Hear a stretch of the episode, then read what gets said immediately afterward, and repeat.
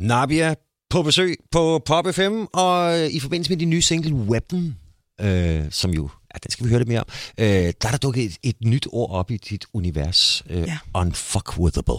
Ja, Explain, please. ja, det lyder lidt voldsomt, men øh, det står faktisk for noget, øh, noget rigtig fedt, synes jeg. Øh, og noget, som øh, vi alle sammen godt kunne bruge lidt mere af.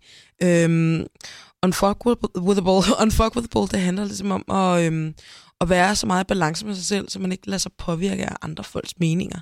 Og, øh, og måske i virkeligheden også øh, sine egne, hvis man er sådan lidt hård ved sig selv, hvis man har sådan en tendens til det. Og øh, det, det har jeg. Øh, og det er der jo rigtig, rigtig mange mennesker, der har.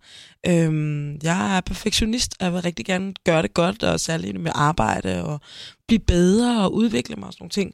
Og, øh, og nogle gange, så skal jeg simpelthen bare, bare være bedre til at slappe af, og bare ligesom sige, prøv at jeg gør mit bedste, og det er totalt godt nok. Og på den måde, der kan man sgu godt være sin egen øh, værste fjende en gang imellem.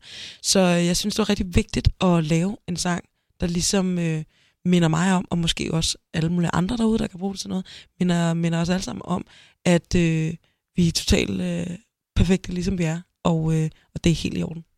Og med den filosofi er det så blevet til singlen Weapon. Ja. Og uh, The Weapon is Love. Ja, det er det.